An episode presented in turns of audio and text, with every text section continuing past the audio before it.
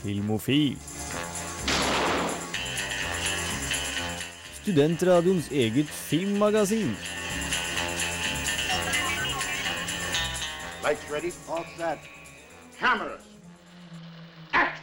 Hei og velkommen til Filmofil. Det er torsdag kveld, og for første gang på liten stund så er vi fulltallige her i studio. For jeg har nemlig med meg på teknikk Trine. Jeg har også med meg fra Dansk Filmskole Frida. vår nyeste, vårt nyeste ansikt. August. Og tilbake fra en, noen ukers fravær. I'm back, bitches! Det er hans. Og du er høy. Ja. Så uh, vi skal snakke litt om ukens tema, som er Sofia Coppola. Uh, jeg har anmeldt The Blair Witch, som er en, hva skal vi si, en spirituell oppfølger til originalen fra 1990. Og Trine har selvfølgelig nyheter til oss, og vi skal snakke om hva vi har sett siden sist. Men før det, jeg er Markus, og her får du Røyksopp med Never Ever.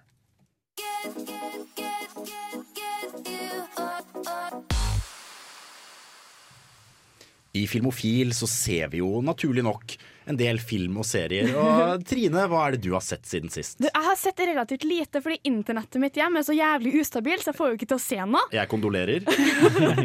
Ja, virkelig. Så uh, The Walking Dead hadde jo premiere natt til mandag. Og jeg fant jo ut vi har Fox på TV-en igjen! Hey. Og der går The Walking Dead. Så jeg satt og så premieren på sesong sju og uh, grein meg sjøl til uh, søvn etterpå. Det var såpass, ja. Ja, fordi uh, eh, Negan, som er en veldig kjent uh, The Walking Dead-skurk, havna har nettopp kommet inn i serien. Og Ah. han uh, dreper to karakterer.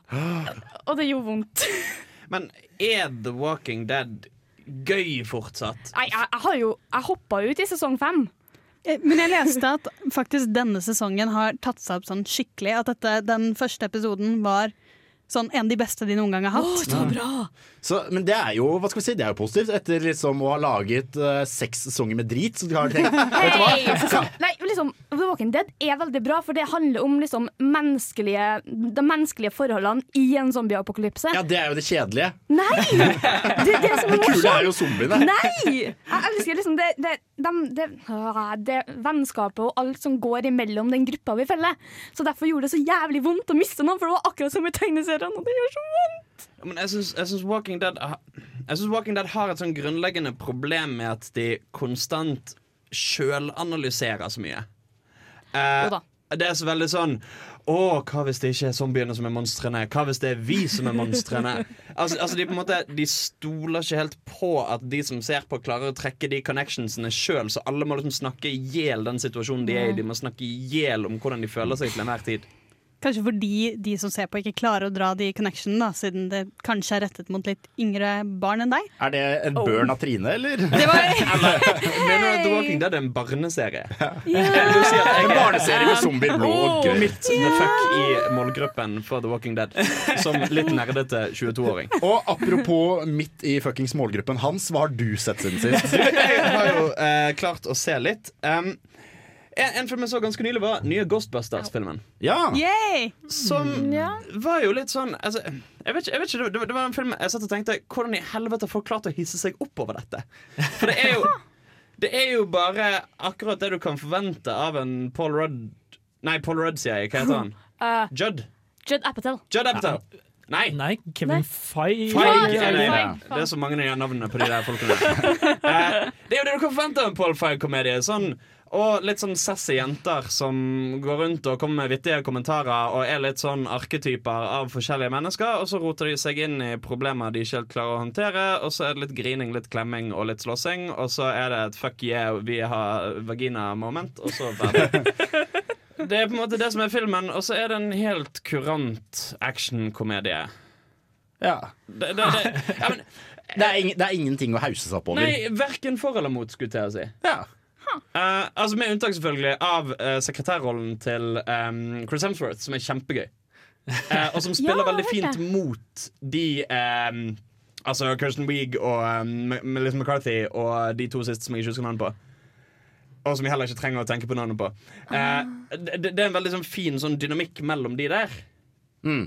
Men ellers så er det nå bare en film, ja. på en måte. Er det noe mer du har sett? Jeg har, åh, jeg har sett masse. Swiss Army Man. Yay! Som fy faen for en herlig, merkelig, nydelig stykke film. Å, jeg har ikke sett den, men har lyst til å se den. Al altså Det er jo filmen lagd av um, en regissørduo som er mest kjent for musikkvideoen til Uh, Turn Down for What. Oi, dæven! Uh, Altså den denne Turn Down for What! Og så, Ja. Ja. Vi har hørt den. Vi har hørt den. Nå har vi i hvert fall det. Jeg tror Trondheim har gjort det også. eh, og så så er det masse rart som skjer. Altså En fyr begynner å danse med penisen sin, og så er det en dame som begynner å danse med puppene sine. Og, Er dette, så er dette Swiss Army Man, eller er dette musikkvideoen? Dette er musikkvideoen. Ja, ok. Så dette er musikkvideoen lagd av de samme folkene. De har også lagd en rekke snåle, snåle kortfilmer hvor de på en måte bare tar et helt latterlig utgangspunkt. Um, og så klarer de bare å holde metaforen så jævla stramt gjennom. Altså, De gir seg aldri. De tar liksom aldri et litt sånn her vink til publikum, men eh, dette handler jo egentlig om jabba dabba da. Så det er, det er litt sånn anti-Walking Dead. Ja! Hei! For, for, for det er på en måte Altså selvfølgelig Det, det, det, det går an å tenke allegorisk om det, og, og tenke sånn Å, men dette kan på en måte representere ensomhet. Og, altså I den grad alle filmer kan det, og du kan kjenne deg igjen i følelser, men i bunn og grunn så er det rett og slett bare de tar jævla snåle filmer og lager de som de jævla snåle filmene de. Ja, jeg jeg var også på kino og så denne i går, faktisk. Og det er en særs underholdende filmopplevelse. Og samtidig som jeg er helt enig med deg at de faktisk klarer å holde på Eller de klarer å holde metaforen sin litt igjen. da Og det, det var så herlig å se. Så de, de, hva skal vi si, de pusher det ikke for mye oppå der. Og det er jo også enda et eksempel at Daniel Radcliffe bare tar de snåleste, rareste, gøye rollen, gøyeste rollene han finner etter Harry Potter. Men, han spiller jo da like. Ja, men filmen. fyren er barnestjerne, og jeg mener han har klart det. Virker jordnær og ålreit og spiller i kule filmer. Du skal få mer siden sist, men før det skal du få Silja Sol med Dyrene her på Filmofil.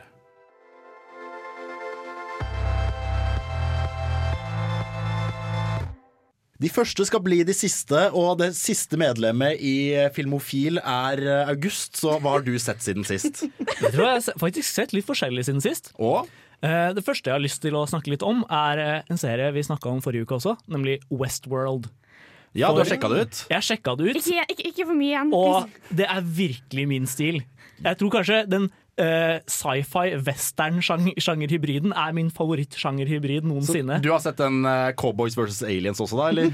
Nei, den har jeg ikke sett. Men kanskje to av favorittseriene mine er jo Firefly Firefly og eh, Cowboy Bebop, som også er sånn space western. Så, Ja. Så det er liksom Men Det er det veldig er- min type sjanger, da. Det er morsomt at du nevner den også, fordi eh, Westworld er cowboy med sci-fi, mens uh, Firefly er sci-fi med cowboy. Ja, Litt, litt sånn uh, symmetrisk av hverandre. ja Men uh, ja, du Det var good shit. det er veldig, veldig bra shit. Altså, den For det første så har den en av de beste title sequencene jeg har sett på veldig lenge. Typisk HBO. Ja, men, men de klarer å lage en title sequence som både fanger meg, setter meg inn i konseptet, og at den er på en måte tematisk interessant. Oi. Det er et stort pluss. Og for det andre så er jo serien like spennende på et tematisk plan som den title-sequensen er. Det er liksom Det er, det er virkelig, det er virkelig Ja, men det er, det er en serie som har det meste. det er virkelig en serie for Og også med, med problemstillinger som er veldig relevant for vår tid. Så varm anbefaling også herfra. Jeg skal få sett men jeg har sett det. Ja, alle burde det. Du nevnte at du hadde sett noe mer også. Jeg har også sett noe mer. Jeg har eh, jeg, så at uh, sesong to av Rick and Morty endelig hadde kommet på Netflix. Så i løpet av siste døgnet så har jeg sett opp igjen nesten hele sesong to. Og det er, det er også en helt fantastisk serie. Eh, grunnen til at jeg hyperventilerer sånn at jeg starta å se det, og så klikka internettet. Og bare sånn Nei, jeg får ikke se det, jeg da. Nei vel. Men For hadde, har du ikke sett det før? Nei, jeg har ikke sett Rick and Morty sesong to. yes. Jeg har bare sett sesong én. Da kan du bare sitte og kose med deg med det. Bare. Mm, mm. Mm, yes! For snakker om, snakker om serier som er interessante på et filosofiske plan. Altså Rick and Morty er, de klarer å på en måte ta det der wacky sci-fi-konseptet sitt og gjøre det til en sånn dypt nihilistisk greie. Jeg jo- jeg setter skikkelig pris på det. Jeg så jo en gang en video som analyserte filosofien bak Rick and Morty, og den var på 17 minutter. Og det er jo det er dritinteressant. Ja, ikke sant? Ja, for det er jo på en måte Altså det er jo en tulleserie som nesten altså, er sammenlignbar med typ Futurama og South Park og de seriene der, men som samtidig har noen sånn skikkelig kraftige eh, elementer av kosmisk horror. eh, inn i bildet. Bare sånn Hvor mye betyr et menneskeliv i det uendelige multiverset?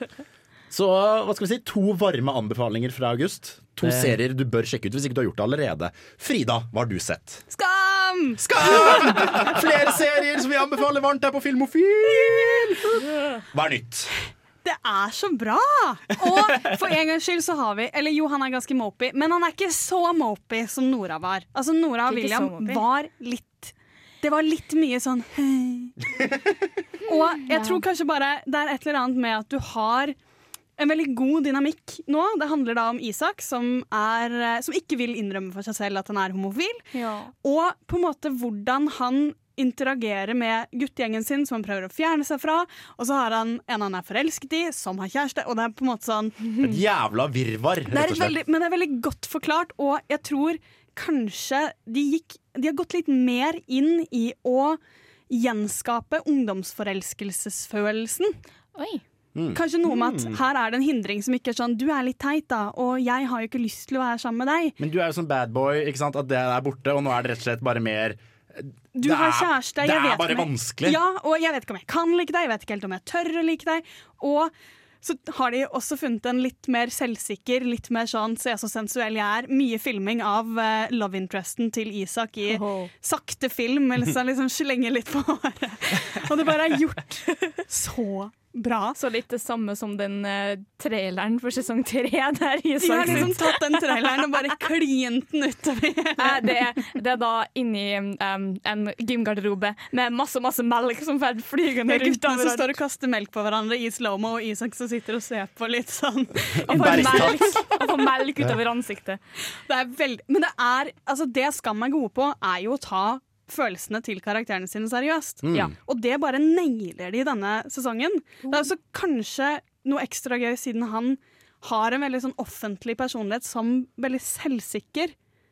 Og så har han hele tiden samtidig Ja, skuespilleren, altså. Eh, ja, eller nei, rollen er veldig selvsikker utad, på en Ah, måte. skjønner. Og så har du Så han har en veldig sånn mye mer kontrastfylt følelsesliv, da. Så jeg syns det er em, jeg syns kanskje dette er den beste sesongen, men det er kanskje også fordi nå er jeg veldig hekta og går inn og sjekker litt flere ganger om dagen sånn Har det kommet ut? Og, Så- ja. Skamtoget ruller videre, altså. ja, fy fader, så bra det er. Vi skal snakke om uh, Vi skal snakke om uh, nyheter. Jeg kan også bare nevne kjapt uh, en siste serieanbefaling fra meg. Jeg har sett oi, oi. siden sist fem sesonger av It's Always Sunny in Philadelphia. Ah, Og det, det, det blir ikke dårligere. Så det er bare å sjekke ut. Jeg tror de har planlagt 14 sesonger, og de er på nummer 10 nå. Så good shit. Du skal få høre NX Worries med Get Bigger, Do You Love. Filmofil gir deg nyhender fra filmen og fjernsynets i spanende verden. Trine, du er jo vår faste nyhetskorrespondent. Ja. Og har det skjedd noe siden sist i den store, vide verden? har det. Hva er det som har skjedd? Vi har hatt altfor lite Star Wars i det siste, Yeah. så nå har vi Star Wars. Nå er Star Wars-tid. Er det. Donald Glover, som er kjent Ja! fra Community, skal spille Lando Calrissian i den oppkommende Han Solo-filmen. Å, gud! Sorry. Han er jo kul. Jeg gleder meg bare litt til Childish Gambino, multitalent, eh, skuespiller og rapper. Og, Ah! Komiker. og ja, hva er det han ikke her? Så han skal spille da Lando. Lando, Lando i den uh, oppkommende Han Solo-filmen. Solo-filmen. Der Alden Einweck Ein- skal spille Han Solo. Jeg, jeg kan fortsatt ikke navnet hans. Jeg sa det under um, Hale Cæsar-anmeldelsen min, men jeg husker fortsatt ikke navnet hans. Helt. Ja, men det Hva skal vi si, Han slår meg jo som en veldig kul type, da, og som kan på en måte gi Lando spilles jo veldig opp i eh, The Empire Strikes Back. Yeah. Uh, uten at han egentlig gjør så veldig mye ut av seg. Så her kan du på en måte gi den rollen litt tyngde og faktisk relevant bakgrunnshistorie. Ja, jeg kjenner Jeg er jo Jeg er jo litt spent på hvordan de kommer til å gjøre den rollen, fordi um, Altså, i Star Wars, uh, de opprinnelige filmene, så er jo Lando en litt sånn der eh, 80-talls-svart mann. Eh, altså litt sånn pimppreg, litt sånn der Har en litt sånn kappe. Og bart. Og han mangler bare bukseseler. Ikke sant? Eh, mens i em, denne filmen, som eh, har på en måte allerede hatt litt sånn her eh, multietnisk cast og gjort litt sånn her eh, nummer ut av diversity og alt det der, hvordan skal de da gjøre den ene tidligere store svarte rollen fra de originale Star Wars-filmene? Jeg bare tenker de tar og kjører en full Black Dynamite. jeg. Det hadde vært gøy. Nei, så det er jo en god greie. Er vi gira? Ja. Kjempegira.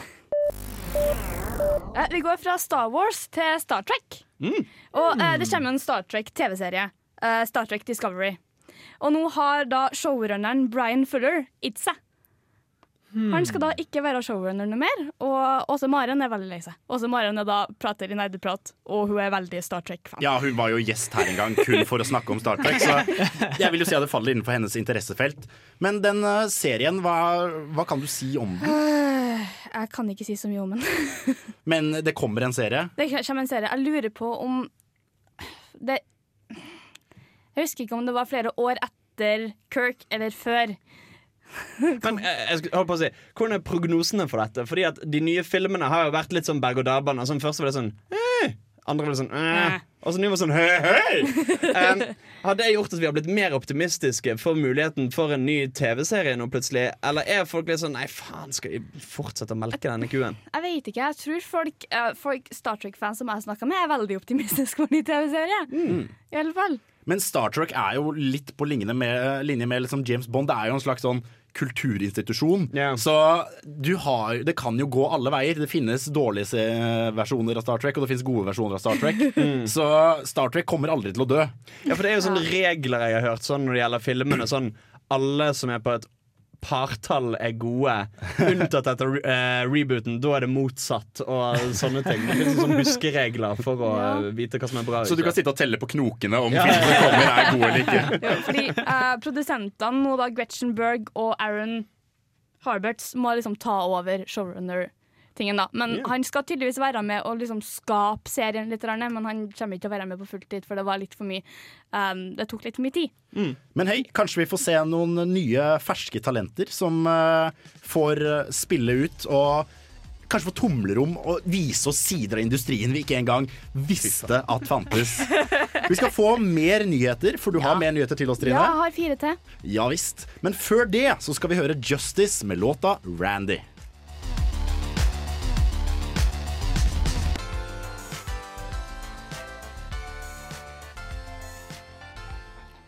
Vi ble lovet nyheter, Trine. Ja.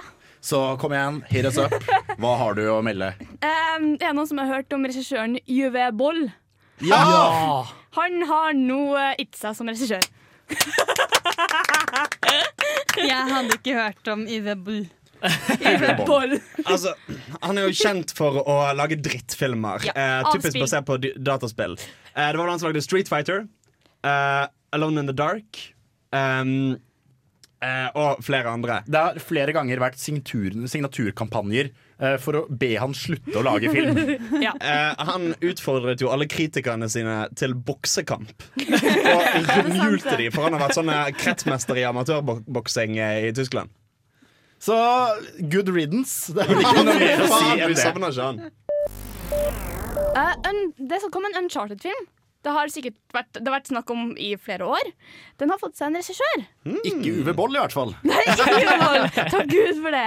Det er Sean Levy. Som Han, han har lagd alle Nights to Museum-filmene. Han har vært regissør på to av Stranger Things-episodene. For oss eh, litt uinnvidde, hva er Uncharted egentlig? Un Uncharted det er et uh, spill til, fra Play... Ah, til, Play- ja, til PlayStation, som følger Ja. da eh, Nathan Drake. Nathan Drake, som basically er litt sånn Indiana Jones, men de hadde ikke copyrighten til det. Ah.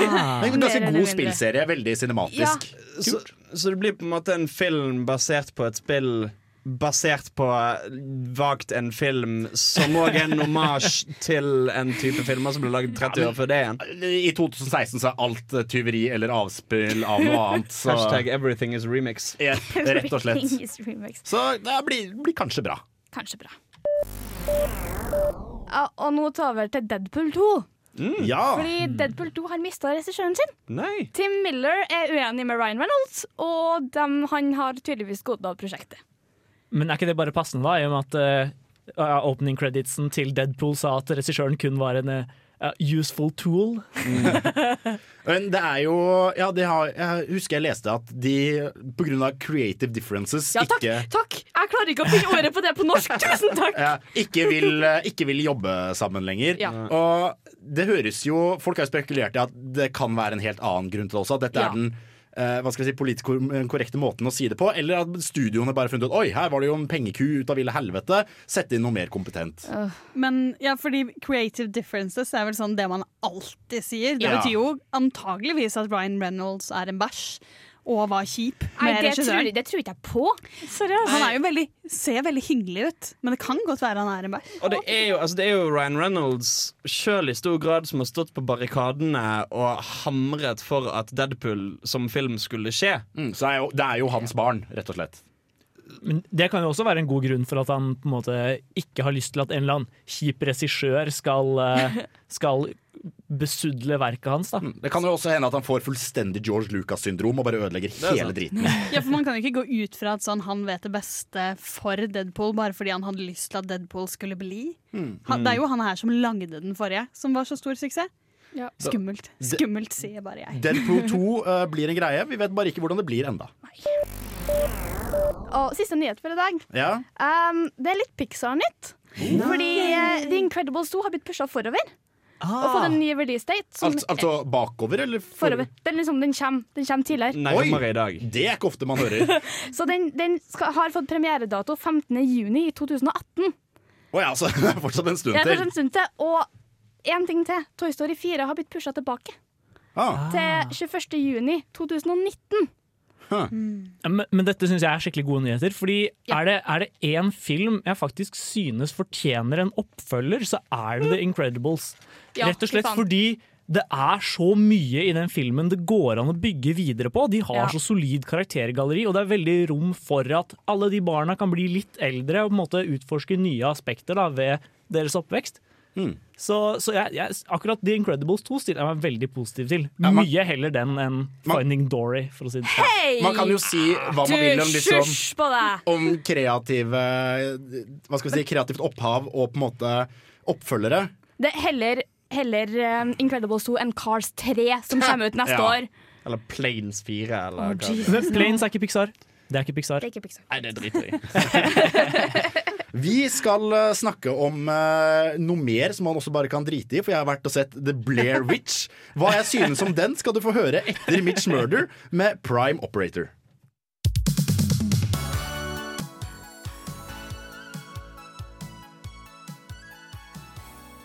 Jeg har vært og sett uh, den eh, fers blodferske skrekkfilmen hey. Blair Witch, som er da en nyinnspilling Eller ikke nyinnspilling, rett og slett en slags oppfølger til uh, The Blair Witch Project. Som også hadde en Blair Witch Project 2, som ingen vet at finnes fordi den var fullstendig ræva. Vil du si at filmen var skummelt bra? Å, Jesus. Nei Skummelt dårlig. Jeg har gjort meg opp Jeg vet hva, jeg vil si at jeg har mye følelser knyttet til denne filmen. Og de kommer ganske klart frem i anmeldelsen, som vi kan høre på her. Hei! Har du hørt om den derre Blair Witch Project, eller? Onkelen min sa at den er sykt skummel, at folk døde på ordentlig eller noe. Nå har det kommet en ny en, da. Skal vi gå og se den, eller? Omtrent sånn tror jeg de fleste samtaler går før noen bestemmer seg for å se denne filmen. Blair Witch er en film ingen etterspurte, og som kun lever på ryktet til originalen fra 1999. What is that? The guy who uploaded this video said it was from a tape he found in the Black Hills woods. Uten å gå så langt som å si at den originale The Blair Witch Project var bra, kan jeg i hvert fall påstå at den gjorde noe nytt. Den eksponerte verden for found footage-sjangeren på en skala som aldri hadde vært gjort før. Og i internettets spede oppvekst var det ikke alltid like lett å skille fakta fra fiksjon. Den muligheten er i dag nesten borte, og oppfølgeren ser ut til å innse dette. I stedet for å satse på en mer jordnær tilnærming som gjør at folk kanskje kommer til å tro at dette er sant, går de heller inn for å lage en billig jump scare-fest som vi ser tre-fire av i året. There's something out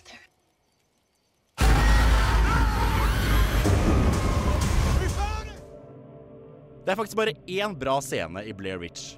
Den er absolutt fri for jump scares og befinner seg under bakken der en protagonist må krype gjennom en trang tunnel som blir smalere og smalere. Bak henne har hun heksa i hælene, men forover vet hun ikke om hun kommer til å sitte fast. Det er klaustrofobisk, desperat og riktig type skummelt, som gjør at man faktisk er glad for at man kan puste uhindret i kinosetet. Stort mer positivt er det ikke å si om Blair Witch. You really think your sister could still be out there after all these years? If there is any chance I could find out what happened to her, I need to try. Men hei, det er et enkelt regnestykke. Filmstudioene har innsett at skrekkfilmer med minimale budsjett nesten alltid tjener inn kostnadene. Og er de heldige, så slår de skikkelig an. Den originale The Blair Witch Project brukte kun 60 000 dollar på å tjene inn 140 millioner. Paranormal Activity kostet 15 000 dollar og tjente 70 millioner. Og selv filmer med større, men fortsatt små budsjetter, som f.eks. The Boy, Ouija og Lights Out, har alle blitt slaktet av kritikere, men fortsatt tjent mange ganger investeringen. Legend said there's been a curse on these woods. Do you believe in the stories about the Blair Witch? De sistnevnte er filmer som faller inn under den tidligere nevnte jumpscare-festen. Jumpscares som får deg til å skvette kinosettet kun fordi det kommer en høy lyd, og ikke fordi noe faktisk er skummelt. Tillat meg å gi et eksempel. Å, det er virkelig skummelt her inne i den mørke, skumle skogen. Uff, ja. Jeg håper heksa ikke kommer og tar oss. Neimen, se der borte. Jeg tror det er noen bak den mørke busken. Å, jeg, jeg skal gå og se etter. Hva er det? Å, det var bare en vaskebjørn. Følte du deg redd? Hæ? Følte du deg underholdt? Synes du dette var god bruk av tiden din? Du svarte ja på alle de tre spørsmålene, så hei, for all del, gå og se filmen. Fortsett å være en del av problemet, og belønn ræva skrekkfilmer med dine surt opptjente penger. For all del, bare gjør det. Vil du ha min anbefaling? Ikke se Blair Witch. Den var ikke verdt tiden min, og forhåpentligvis ikke din heller.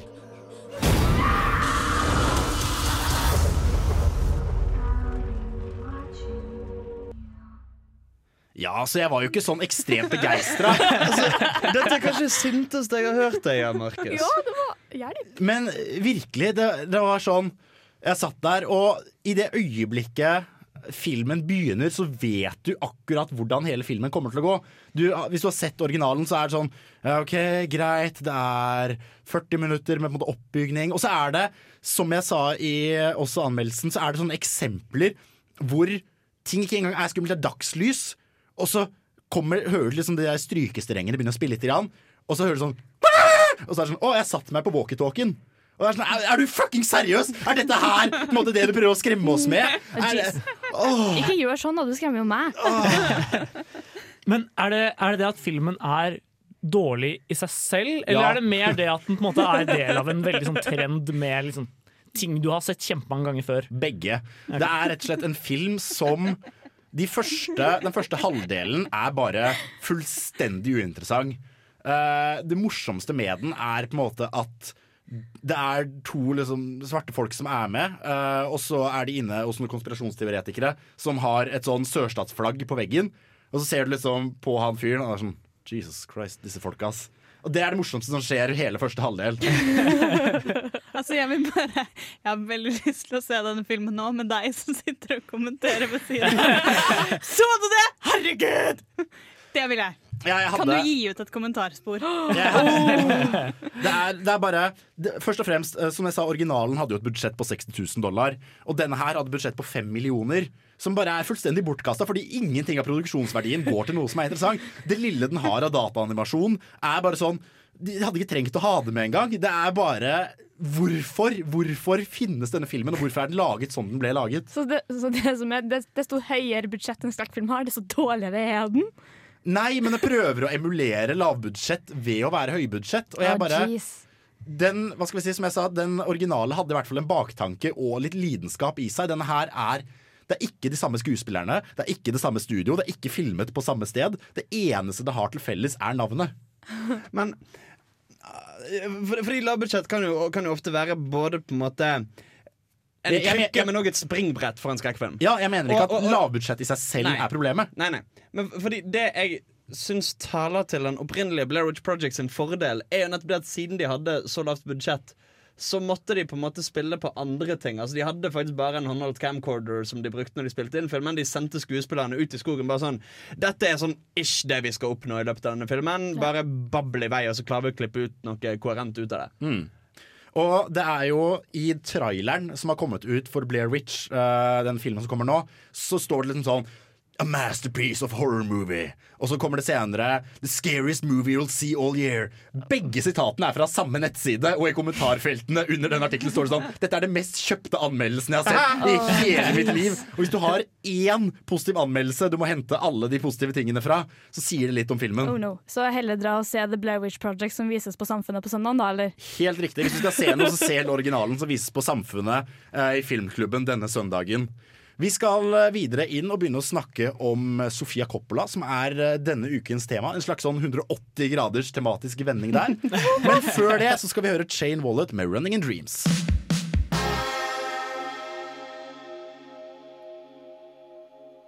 Vi skal snakke om en kvinnelig regissør som kanskje ikke er så veldig kjent på verdensbasis, fordi hun lever jo mye i skyggen av sin far. Vi snakker om eh, Sofia Coppola, og jeg ser du trekker litt på øyenbryn, Frida. Vil du si at hun er eh, meget kjent? Jeg vil jo si at hun er for, nettopp fordi hun er um, en av de med veldig prominent stil. Det skal vi komme litt tilbake til. Sånn at hun får flere som kjenner til henne, vil jeg si. En av de litt sånn auteuraktige typene. Som gjør noe eget og nytt, i hvert fall. Så folk på en måte søker opp hennes filmer, fordi hvis du liker en, så liker du kanskje de andre. Mm.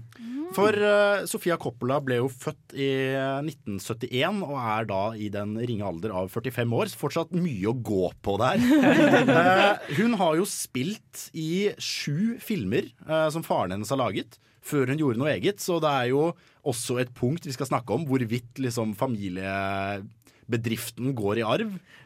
Men eh, hun lagde sin eh, første egne spillefilm med Virgin Suicides i 1999. Og deretter Lost in Translation, som kanskje er hennes mest kjente. Kanskje også fordi den vant en Oscar, eh, og den kom da ut i 2003. Og det skal jo sies at hun var jo eh, tredje kvinnelige eh, regissør nominert for beste regi. Og andre kvinnelige vinner av beste s- Or original, screenplay, Ja, som den vant for. Eh, så kom den, uh, så kom hun uh, ut etter det med Marie Antoinette. Som debuterte på Cannes filmfestivalen. Og det er jo Hvis du hørte på forrige sending, så fikk du høre en del om filmfestivaler. Ja. Absolutt verdt å sjekke ut. Så hvis du lurer på hva liksom, Venezia filmfestivalen og Cannes filmfestivalen omhandler, sjekk ut det. Eh, den Marie Antoinette-filmen, som er en biografi av en biopic av henne, fikk både bu-rop fra salen og stående applaus da filmen var ferdig. Så kritikerne er delt om akkurat den. Ja, det er en mye mer polariserende film enn det Lost in Translation er. Alle Ja. liker liksom Lost in Translation, Ja. mens, mens Marie Antoinette den splitta folk i mye større grad. Da. Mm. Etter dette her fulgte hun da opp med filmen 'Somewhere' og 'The Bling Ring' i 2013. Som eh, er eh, gikk Kanskje ble litt tråkket på av eh, den mye filmofil-elskede Spring Breakers. Men eh, vi må jo også nevne, nå, nå har vi tatt noen av prisene hennes, hun har jo faktisk også en Razzie, Ja. eh, som er for dårligste skuespill. Etter hennes rolle i Gudfaren-trilogien. Ja. Og den er hun jo nesten like kjent for hvor ræva hun spilte i den filmen. I Gudfaren 3, er Gudfaren 3 er hun, hun er med i alle, men i de andre er hun statist, sånn nyfødt barn. Ja, Ja, hun, sånn. hun spilte babyen som blir døpt i eneren, og sånn uh, liten sånn immigrantkid i toeren. Men i treeren så eh, tok hun da over for Winona Ryder, som eh, forlot prosjektet. Så hun ble henta inn litt sånn Ja, jeg har ikke så god tid til å finne noe eh, du, da. Vet du hvorfor hun forlot prosjektet? Creative Differences Det er sånn running gag. eh, Ja, fordi hun skulle jo også i 2015 uh, regissere en nyinnspilling av The Little Mermaid. Ja. Men hva skjedde? Creative differences. Oh, yes. Så uh, du kan jo lære litt sånn innsidelingo her i Filmofil. Creative differences kan bety hva som helst. Det kan bety mentalt sammenbrudd, kokaindom, knivstikking av prostituerte. Uansett, Hvis ikke du vil si det høyt, så er det creative differences. Og kanskje av og til er man bare uenig. Så tilbake til Deadpool. Så, så hvis noen av oss forsvinner, så er det creative, Creative differences. Vi skal snakke mer om hennes stilkjennetegn og hva det er som gjør henne særegen. Men før det skal vi høre Machine Drum med Morpho Morphogen, Morphogen i hvert fall, featuring Ruckazoid.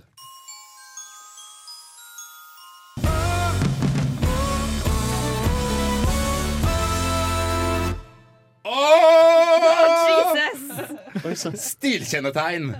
Hva er det som gjør, uh, gjør Sofia Coppola særegen? Jeg vil si at i stikk i motsatt med Filmofil, så er det en slags sånn lavmælt uh, tilnærming til uh, kommunikasjonen. Jeg, jeg, jeg vil si meg egentlig ganske enig med deg. Hun har jo en tendens til å late som hele filmen sin er en drøm. Jeg så en veldig fin sånn sammensetning av alle ganger i Sofia Coppola-filmer noen sitter og ser ut av et vindu, alternativt liksom går liksom drømmende gjennom Mm. en eng. Og det er mye av det, men jeg tror kanskje at hun er god til å bygge det inn i historien, sånn at hun bruker disse drømmebildene til å beskrive psyken til karakterene sine. da. Ja, hun har veldig konsekvent litt sånn avstand til alt som skjer. Det føles veldig som om hun liksom Ja. eh, at at, eh, Hva skal man si? Det, det, er en, det, er, det er bare generelt en viss sånn distanse. Du, du, du lever deg ikke sånn virkelig inn i følelseslivet til karakterene. I hvert fall veldig sjelden. Det er mer sånn at du, du ser dem fra litt langt unna.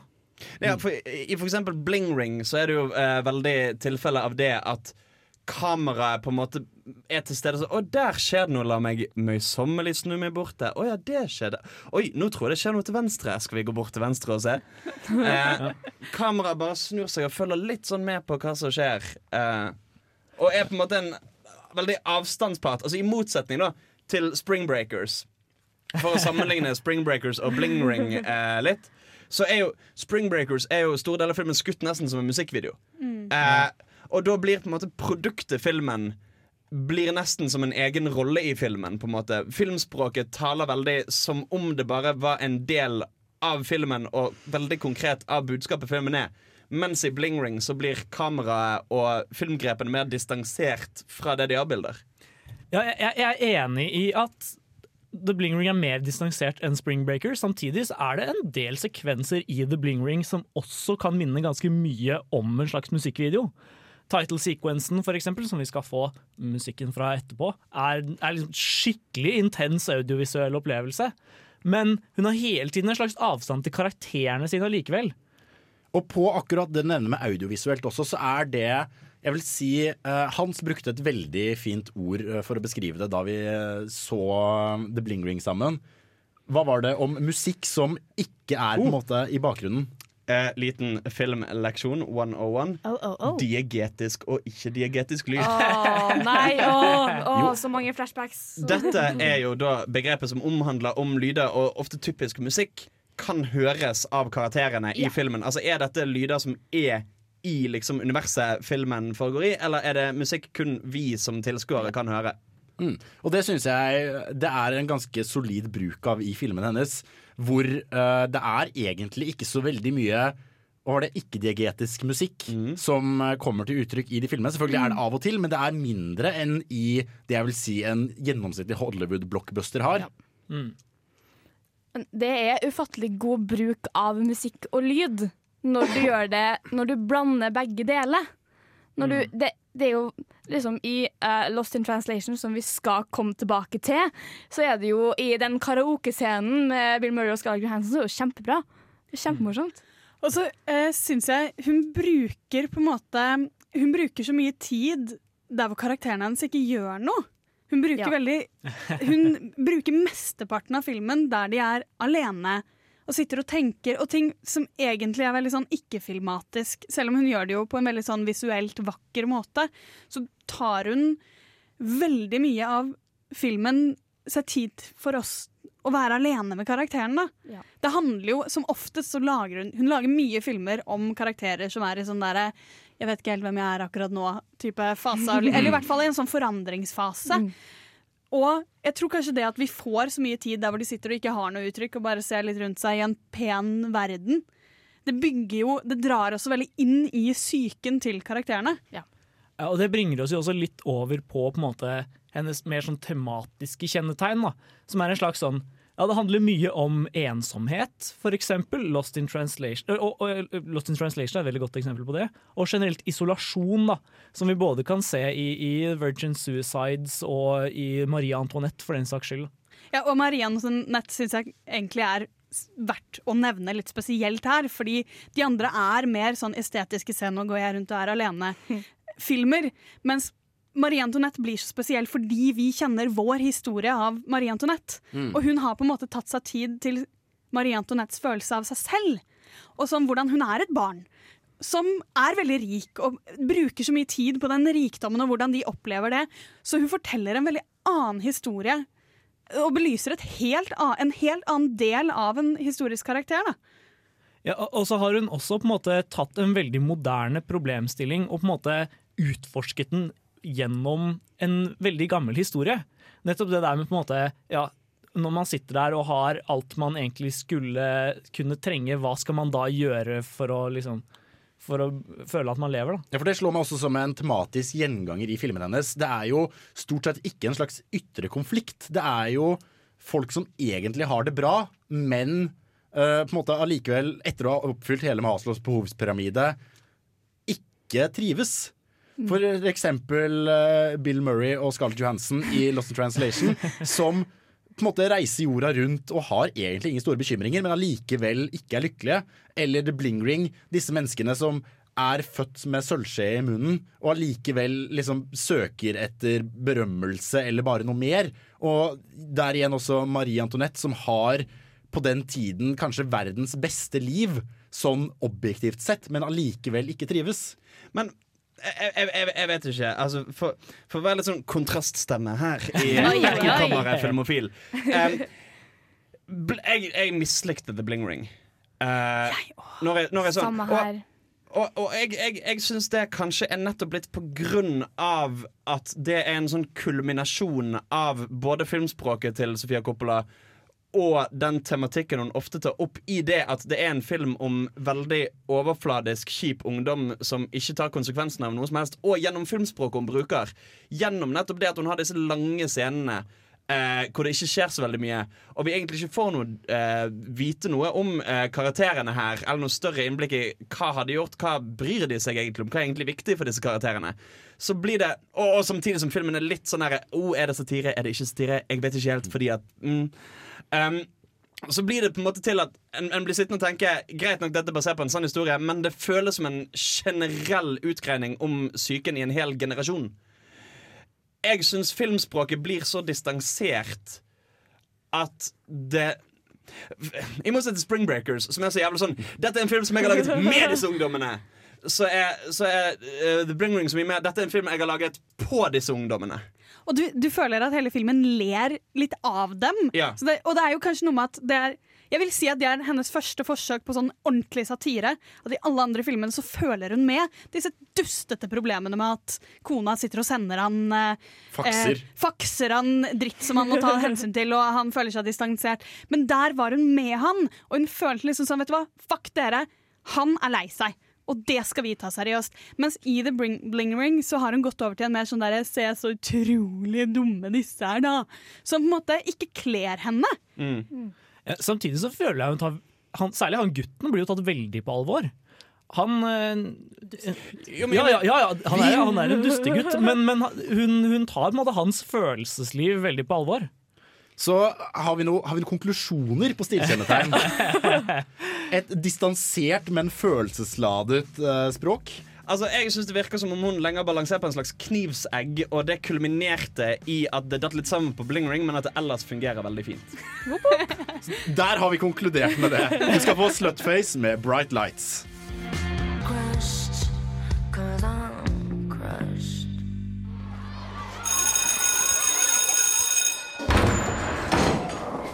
Be no foolish wand waving or silly incantations in this class. No, okay, that's it for the day then.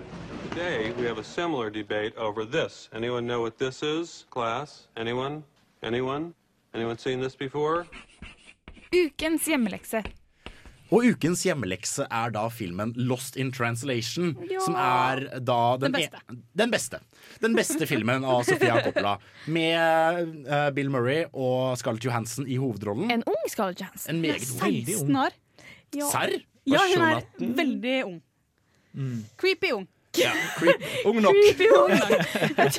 Jeg, jeg lover deg, hun ser ut som 18.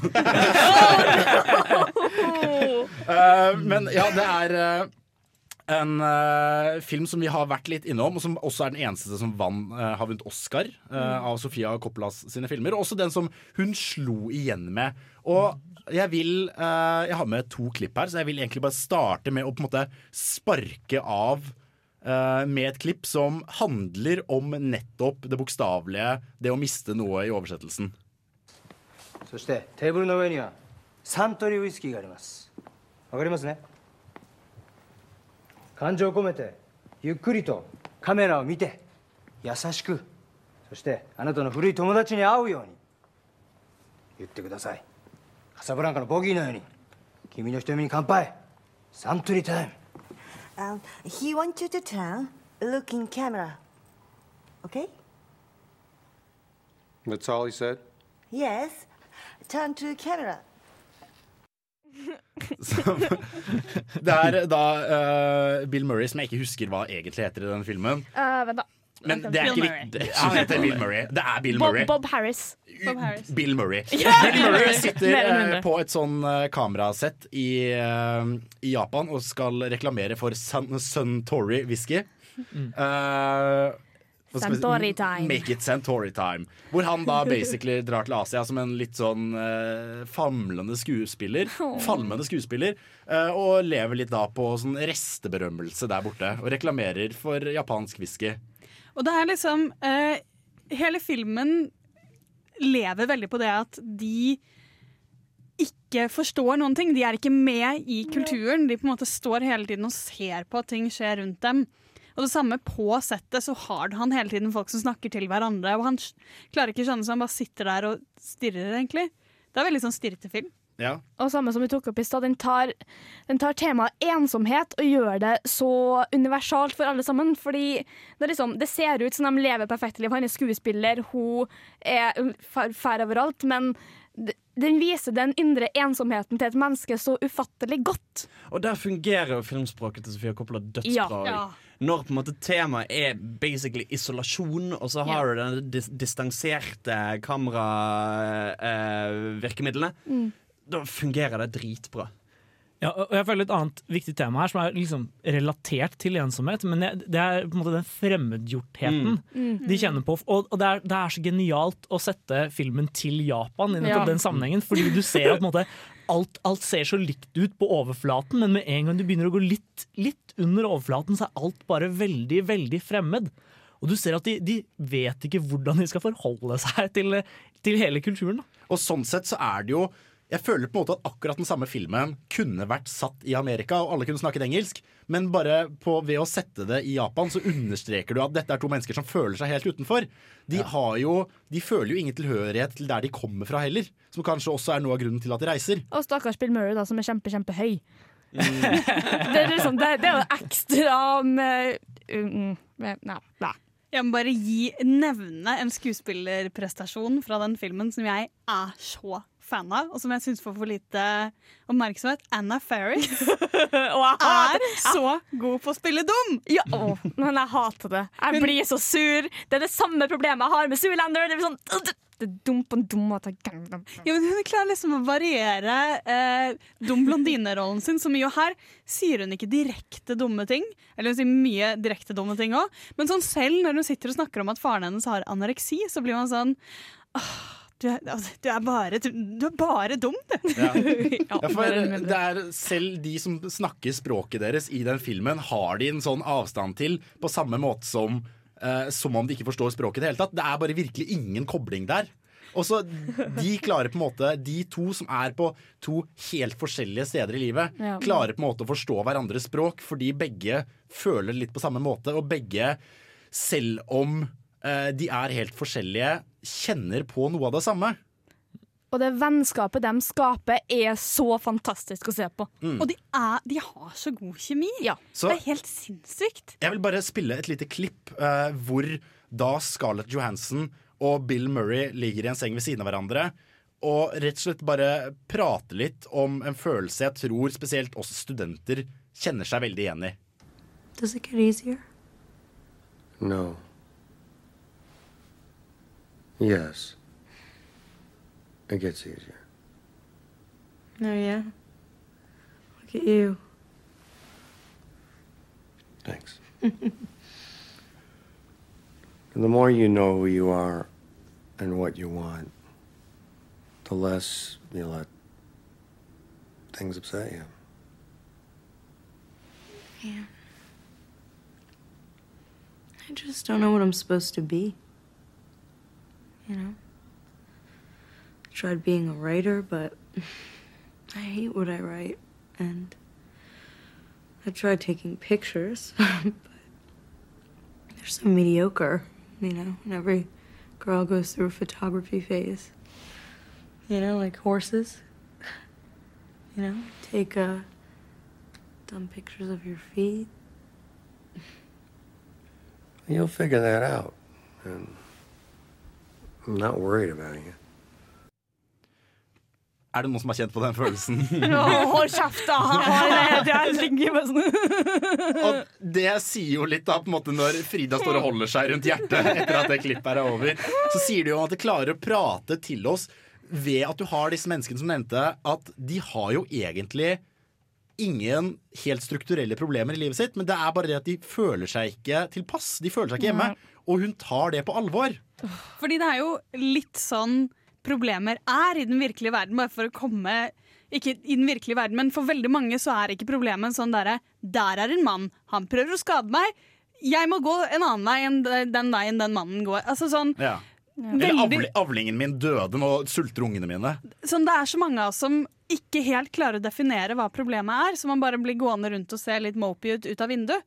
Og det syns jeg bare hun klarer så godt å fange Jeg pleier ofte å leke at det er en Coppola-film eh, når jeg føler meg litt mopey. For, for i den vestlige verden, eh, og spesielt Norge, hvis du er student og du får på en måte studielån, og du har foreldre i ryggen, og du har egentlig på en måte hele velferdsstaten, så er det selvfølgelig er det kjipe ting som kan skje deg. Du kan ha eh, traumatiske opplevelser i oppveksten, men det er veldig mange som har det ikke så greit, selv om de på en måte ikke har noen sånn ytre grunn til det. Og det er noe man også må ta på alvor og ta seriøst, fordi det er lov å være lei seg selv om du ikke har noen alvorlige problemer. Jeg kjenner meg veldig igjen i den filmen, for jeg går med det nå. Ja, ikke sant? Jeg har gjort det i flere år, så det er sånn hei! Jeg kjenner meg veldig igjen i den filmen og griner hver eneste gang jeg ser den. Jeg tror ikke man engang skal gå så langt som å si sånn Det er noe som kommer av velstand. Sånn å være litt lost i verden. Det er så er normalt. fuckings universelt. Og hun bare går litt sånn der, rett på de der OK, jeg tar det store temaet. Greit. Bare kjøre på. Jeg er sikker på at Nå har vi jo snakket om Marie Antoinette, men jeg er sikker på at også under middelalderen så gikk folk og følte seg litt lost. Er det liksom Er det turnips jeg har lyst til å dyrke resten av livet? Problemet er at jeg tror, ikke, jeg tror ikke så mange skrev om det når de var liksom analfabeter og brukte 14 timer om dagen på å dyrke den jævla turnipen. Og det er jo den følelsen av at en kan gjøre alle disse tingene. Så greit nok, Turnipfarmeren har kanskje tenkt litt Er det dette jeg skal gjøre resten av livet. Men da var det sånn, Skal jeg dyrke turnip resten av livet, eller skal jeg dyrke poteter resten av livet? Ja, fordi enten så sulter jeg i hjel, så jeg har ikke så mye valg. Ja, ja. Men, men, mens vi er liksom Hvordan skal jeg sjøl realisere meg? Ja. Jeg, jeg kan, hvis jeg vil, så kan jeg ta en utdanning og begynne å dyrke turnips, men jeg kan også gjøre 10 000 andre forskjellige ting. Og det er der problemet ligger. da Hva er det man skal drive med? Så en uh, film som får deg til å tenke litt, og som absolutt er verdt å sjekke ut. Vi skal uh, høre litt, uh, begynne litt, tjuvstarte litt faktisk på ukas filmlåt. Fordi her skal du få Sleigh Bells med Crown on the Ground.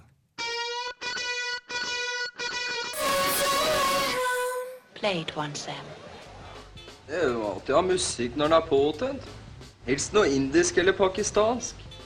Ukas filmlåt. Og som jeg sa, vi har tjuvstarta litt på ukas filmlåt, for du hørte nå Crown on the Ground av Slaybells, Bells. Som var varer med i The Bling Ring. Og hvis du lurer på om det er radioen din eller eh, PC-en din det er noe galt med, så nei, låta er faktisk sånn. Den høres litt sprengt ut. Og det er noe av noe av sjarmen og stiltrekket ved akkurat det. Ja, jeg, jeg satt meg og så The Bling Ring på nytt her på søndag, og jeg tenkte bare Hæ, er, lydkvaliteten på Netflix så ræva, altså? Hva, hva er det med den sangen her? Ok, Jeg prøvde å sette meg ned og se The Bling Ring. Mm. Jeg kom 20 minutter inn i filmen, og så bare ga opp. Trine den nye Henrik. Nei, nei! Men eh, i, i forbindelse med at vi skal snakke om ukas filmlåt, så kommer vi jo tilbake til det at Sofia Coppola er en av de filmskaperne som bruker musikk veldig aktivt i filmene sine. Mm. Og da ikke sånn John Williams-type bakgrunn. Eller, sånn, Eller Tarantino. Sånn, ja, ja hun, er, hun er mer som Mer- Tarantino. Mer Tarantino enn John Williams. Ja, Ja. mer Tarantino enn John Williams. For hun, hun bruker veldig mye popmusikk, også i situasjoner hvor du kanskje ikke skulle tro det. Og det er jo eh, ja, neste Du ville ikke tro hvor Sofia Coppola har brukt denne poplåten! Ja, Plutselig ble vi BuzzFeed. Men eh, sånn som det som er ukas offisielle filmlåt, nemlig eh, I Want Candy av Bow Wow Wow. Som Yes. brukes i Marie Antoinette. Og der har de jo der har de gjort en veldig, veldig stort poeng ut av uh, musikkbruken. Fordi klassisk musikk brukes hver gang hun skal prøve å være kongelig. Mm. Og liksom sånn kjipe frokoster og sånn, hvor de sitter liksom på hver sin side av et kjempestort bord og prøver å få snakke til hverandre. Og på en måte alt det kjipe spilles klassisk musikk. Og så hver gang Marie Antoinette får lov til å være seg selv, så durer de på med litt I want candy, da. Men sånn sett så syns jeg jo nesten at musikken i The Bling Ring blir litt sånn her 40 år gammel dame spiller sånn musikk som sikkert kidsa hører på, som bare er bråkete og kjip. Jeg syns musikken der er ganske stilfullt brukt, faktisk. Sånn som, sånn som åpningssekvensen er jo en av de jeg virkelig satte pris på i filmen. Selv om, selv om den kanskje er litt sånn ja, Det er mye ved The Bling Ring jeg har problemer med, men akkurat musikkbruken er ikke en av de. For det er jo, som du nevner her, eh, at John Williams skriver jo sin egen filmmusikk, mens Tarantino og her også Sofie Coppola bruker jo film som har litt bagasje. Mm. Og det kan jo Ja. brukes veldig stilfullt, som du nevner i Marie Antoinette. At det å bruke popmusikk i en veldig sånn klassisk film gir noe mer fordi du kjenner til popmusikken fra før av, og du vet hva et sånt budskap innebærer. Men også det at du kjenner til den typen kostymedrama fra før av, og har på en viss forventning om hva slags musikk som skal være i et kostymedrama, som plutselig på en måte Ja, hvor dine egne forventninger plutselig går imot deg, da. Og da vil jeg kanskje si at Sofia Coppola har noe til felles litt med Wes Anderson i sånn måte å bruke en veldig sånn hipsterkultur. Mm. Men å Ja. klare å balansere det sånn at det føles genuint. I alle fall fram til The Bling, Bling Ring, da. Eh, som jeg kanskje kan si meg litt enig i. Men ofte så bruker hun da populærkultur uh, og veldig sånn den kule delen av uh, musikken på en veldig sånn god måte som man tror veldig på. Så jeg tror hvis jeg skulle prøvd det samme, så hadde det nok blitt sånn Se her, så kul jeg er. For The Bling Ring handler jo om uh, en del ungdommer som lever det glade liv i Hollywood. Og basically ikke har en eneste bekymring. De vil bare være berømte. Mm. Så det de gjør er jo da at de begynner å bryte seg Følger Kjendisnytt, sjekker når kjendiser er borte på fester, og bryter seg da inn og stjeler diamantsmykker og designervesker og sko. Og lever det opp, da. Selger disse videre og bruker det på kokain og dyre biler. Eh, så for å gjøre, gjøre også litt De som ikke har hørt om Spring Breakers før, hvorfor står denne filmen i skyggen av Spring Breakers, og hva er Spring Breakers? Fordi at Spring Breakers er en film som er lagd så jævlig på ungdommenes premisser. Altså Spring Breakers er kanskje den minst nedlatende filmen om millennials jeg har sett i mitt liv. Oi, oi, Eh, oi. al- al- altså, altså, altså, det er en film som, som, som al al altså, altså Fordi den er jo veldig sammenlignbar med Bling Ring i at den tilsynelatende omhandler den overfladiskheten som mange forbinder med, eh, vår, med vår generasjon, og eh, som bare har fått alt i fanget, og som bare loker rundt, som ikke har respekt for sine eldre og alt mulig sånn. Men Spring Breakers gjør en så jævla iherdig innsats for å forstå folk. Altså, altså Vi forstår disse karakterene. Vi forstår hvorfor de oppfører seg som de gjør. Vi forstår hva er tanken bak det. Det er ikke det at de er dumme, det er det at de har et annet verdisett og en, et annet syn på hva som er hellig, på hva som kan være dypt, på hva som kan være stort. Mens blingring er bare disse jævla kjipe ungdommene. Eller, hæ? Og det syns jeg også er en forskjell der, for i Spring Breakers så er det jo noen folk som drar på Drar på, hva heter det, spring break. um, og uh, basically basically bare lever det opp og møter på litt merkelige mennesker. Mm. Mens i The Bling Ring så jobbes det også hardt. Nå er det basert på en sann historie, det skal nevnes, men der kommer det også veldig til uttrykk at det er en slags comeuppance. De oppførte seg de oppførte seg galt, og da havnet de i fengsel. Så pass på, barn. Jo, men Biopics kan jo være en så flott sjanse til å utforske hva har gjort en person til den personen den er. Ja. Det er jo sånn det skal brukes, men det føler jeg ikke Bling Ring gjør i det hele tatt et forsøk på. Med unntak av han ene gutten som bare sånn eh, 'Jeg er litt ensom', og så fikk jeg en ny venn, og så sa han at jeg skulle bli med på ting, og så tenkte jeg jeg har ikke lyst til å miste den første vennen jeg har hatt på evigheter, så da blir jeg med. Det er eneste karakteristikken min, for Alle de andre er bare sånn ja, 'Jeg er sånn ungdom, så da må jeg være sånn kjip og teit og ikke helt forstå ting'. Ikke sant? For den filmen har jo, klarte jo det kunststykket å gjøre meg irritert på Emma Watson. oh, som har vært liksom filmcrushet mitt siden uh, tredje klasse barneskole. Men jeg syns kanskje Emma Watson er den karakteren som fungerer best i den filmen også. Siden hun har litt mer den der satiriske edgen som jeg føler man har, man har mer av Men hun er i- fortsatt en bitch. Ja, ja, hun er fortsatt en bitch, men jeg, jeg, der føler jeg at, at de faktisk klarer å formidle en slags sånn ironisk distanse, da. Mens, eh, mens på en måte andre, andre filmer i, i samme sjanger kanskje bedre på det. da Jeg vil kanskje si meg veldig uenig, for jeg tror jeg likte hennes karakter minst, nettopp fordi hun var så overtydelig og på måte, Ja, selvfølgelig går hun ikke på skole, hun er bare hjemme og lærer The Secret, som er den der selvhjelpsboka som alle Hvis du leste. ønsker det, så får du det. Ja, som på en måte. Hun er så mye mer flasket opp på det, og liksom så dum. Det er kanskje det. Hun legges det mye mer fokus på at hun er en dum jente. Og jeg tenker at i Altså For det første, jeg er ikke helt enig i at filmen er en satire. Fordi, fordi altså Det blir å føle at filmen skal få både i pose og sekk. At, at filmen skal både kunne ha en sånn her brei karakteris, eh, karakteristikk med en urealistisk dum person, men så samtidig ha disse litt sånn der ekte realistiske mennesker. Det, det, det blir så jævla sånn Filmen klarer ikke bestemme seg for hva han vil være. Og jeg, jeg, jeg føler at Emma Watsons karakter er så brei, generalisert bilde av dum eh, blond, bare at hun ikke er blond, eh, amerikansk millennial, at da blir det på en måte Da handler det ikke bare om den karakteren lenger, da blir det en karakteristikk av en generasjon og av en folkegruppe, nærmest. Ja. Nei, jeg, jeg, kan, jeg kan si meg enig i det at filmen burde vært flinkere på å bestemme seg på, på hva den vil være. Men eh, jeg tror kanskje den hadde blitt morsommere hvis alle hadde vært mer som Emma Watson. En mer tydelig satire, da. Mer, mer utagerende kjip. Ja. rett og slett. Vi skal høre denne ukas hjemmelekse til sist. Uh, eller nå, Ukas- nå ukas endelig. filmlåt. Ukas filmlåt. Uh, og det er Bow Wow Wow med I Want Candy. Hei! Hei! Hei! Hei! Vi skal snakke mer om selve regissøren, og ikke så nødvendigvis mye om verket hennes. Fordi Sofia Coppola er jo eh, Francis Ford Coppolas datter. Ja. Og det har hun jo også blitt kritisert for. At hun, Mye. mye. At hun i likhet med måte karakterene i filmene hennes er født med litt sølvskje i munnen og har fått ting litt eh, servert. I motsetning til alle andre i Hollywood. Som bare har dratt seg opp etter sine egne bootstraps. Ja.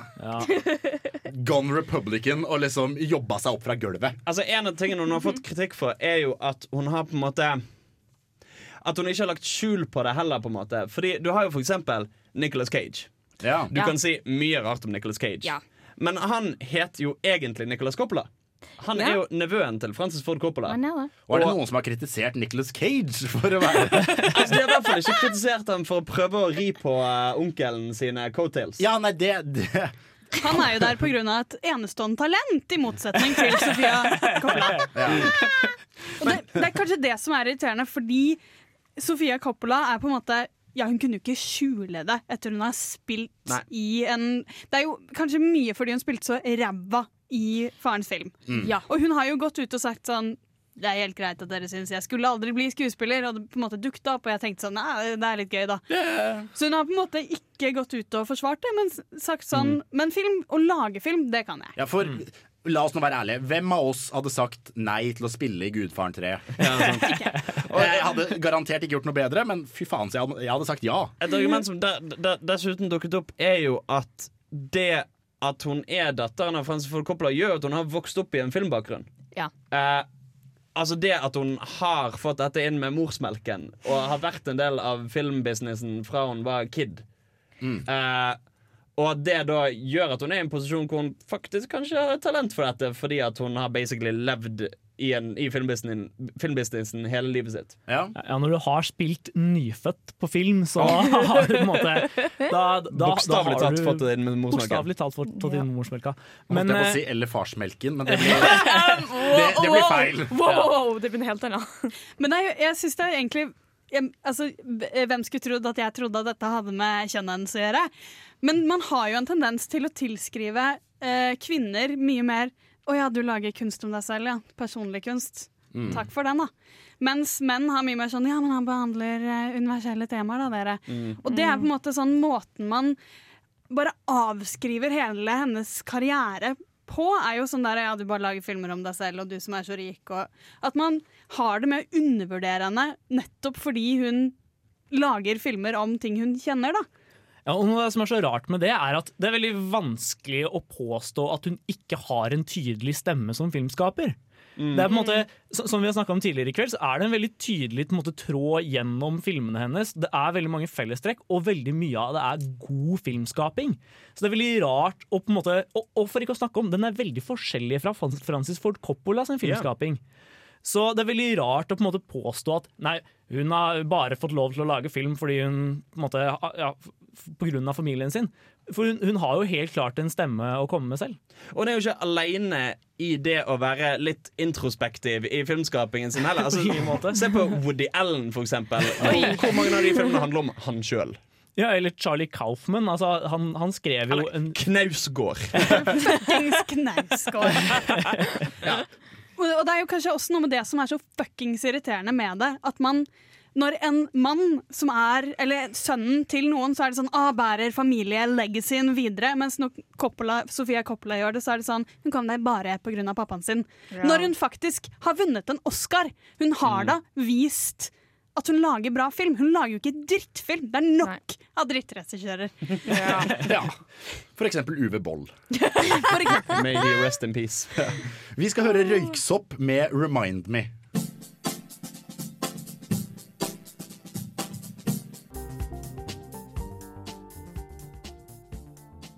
Vi skal snakke om hva vår favorittfilm eller verk av Sofia Coppola er. Og i låta så ble Hans og jeg enige om at vi kunne dele denne. Fordi Oi, oi, oi. eh, begge hadde veldig lyst til å snakke om den. Og Hans Det er selvfølgelig A Very Merry Christmas. Uh, Mary som i Murray. Mur- Bill Murray. A Very Murray. A Very Merry Christmas. Very Murray. Som er en Netflix-special som Mm. uh, kom ut i fjor. Ja. Eh, og handler da basically om uh, Bill Murray som blir værfast på et hotell. Og det er så koselig. Ja, og det, for, for det er på en måte det, det, det, var, det var trivelig og fint, og alt, for det, hele poenget er at han skal jo egentlig lage et sånt stort show. Og det går til helvete. Av mange årsaker, blant annet at han blir sittende fast på dette hotellet. Og så bare tenker fuck it Så går han ned i foajeen, og der sitter det mange ymse karakterer. Eh, noen servitører og en, eh, et gifteklart par. Og så bare synger de sanger sammen og har det fint. Og det er så mange cameos. Kjempemange. Det, det virker virkelig som Bill Murray og, og gjengen bare samla seg og tenkte vi skal ikke lage en julespesial. Da, Ja. Og så liksom bare slengte de sammen noen greier, og så blir det skikkelig god stemning. Mm. Så det er, eh, hvis ikke dere har sett den når desember kommer, virkelig sjekk ut uh, Very Murray Christmas på Ja, ja, ja. Netflix. Ja, øh, og min favoritt, det er faktisk The Virgin Suicides. Det var en film jeg så litt sånn fordi jeg bare ja, slumsa bortom den på, på Netflix. Og det var et eller annet med den som bare traff meg rett i hjertet. Det handler om på en måte en guttegjeng som hele tiden sitter og beundrer en søskenflokk, eller en, en ja, en søsterflokk, kan man kalle det. Som bare går kledd i hvitt. Ja, eh, og som har veldig konservative foreldre, så de får liksom ikke egentlig være med ut på ting. Og jeg, jeg vet ikke, Det er noe med hvordan de skaper et slags sånn veldig romantisk bilde av de jentene i hodet sitt. Som på en måte, jeg vet ikke helt, Det var et eller annet der som bare traff meg veldig. Litt sånn som når du sveiper noen til høyre på Tinder og bare tenker nå, denne personen er sånn og sånn, og vi kommer til å tilbringe livet sammen. Og, Volvo, og hun liker å lage bløtkake, og på 34-årsdagen min så gir hun meg frokost på senga. Og så bare lager jeg et sånn internt bilde av hvordan de sikkert er egentlig. Ja, bare mye mer mystisk enn det. Mm. Litt sånn, ja, de, de mystifiseres så veldig. Jeg, jeg vet ikke, Det var et eller annet der som bare Og, og det er mange interessante fortellertekniske grep der også. Jeg, jeg, jeg er veldig, veldig fan av den filmen. Ikke for å spoile for mye, men de tar da også selvmord. Derav navnet. The Virgin Suicide. Eh, hadde de en orgie først? Nei, men det er veldig Della romantisk. Virgin. Ja. Ah! Frida? Ja, jeg vil jo eh, kanskje si Marie Antoinette, fordi jeg syns den er Polariserende. Eh, Jo, men jeg, jeg liker veldig godt hva hun har gjort med den. Jeg syns kanskje det er hennes mest spesielle film.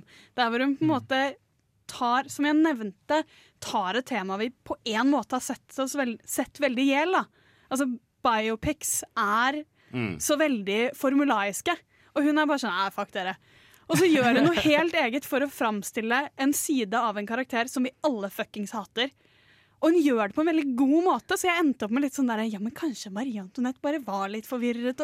Hun klarer å belyse en side av den karakteren. Og Trine, jeg kan vel kanskje nesten gjette, men du skal få si det selv. Ja, Lost in Translation. Ja, så det er jo Fordi det er den eneste Coppola-filmen jeg har sett. Men det er også den eneste Coppola-filmen som har fått deg til å gråte. Ja. Så det er Så vanskelig. Altså, det er jo den dårligste du har sett. Ja. Hey! Vi skal eh, Det var vel egentlig det vi rakk. Men gå ikke, for vi skal fortelle hva som skjer neste uke. Men før det, Mikael Paskelev med 'Witness'.